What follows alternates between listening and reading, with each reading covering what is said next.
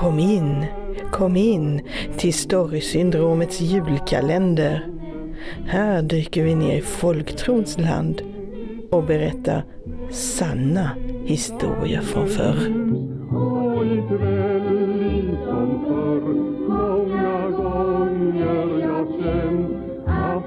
Hemma står för mig en dörr på glänt.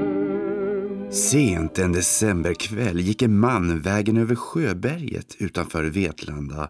Han hade varit utåt larv i ett ärende och var nu på väg hem. Rätt som det var hörde han ett dån inne i berget. Det lät som när man skjuter för ett spjäll. Sonen hans var med och han hörde det också. En annan gång när han gick samma väg hörde han hur trollbarnen väsnades och gick an inne i berget. Efter en stund kunde han även höra att trollmor försökte tysta dem. Och när det inte hjälpte fick någon av ungarna smäll och började skrika. Det lät så lustigt tyckte mannen och kunde inte låta bli att skratta högt. Och inte nog med det. Han tog sig för att härma ungen. Men det dröjde inte länge innan han fick en örfil så att han stod på ände tre gånger om tills han blev liggande medvetslös. Efter det var han sig aldrig lik.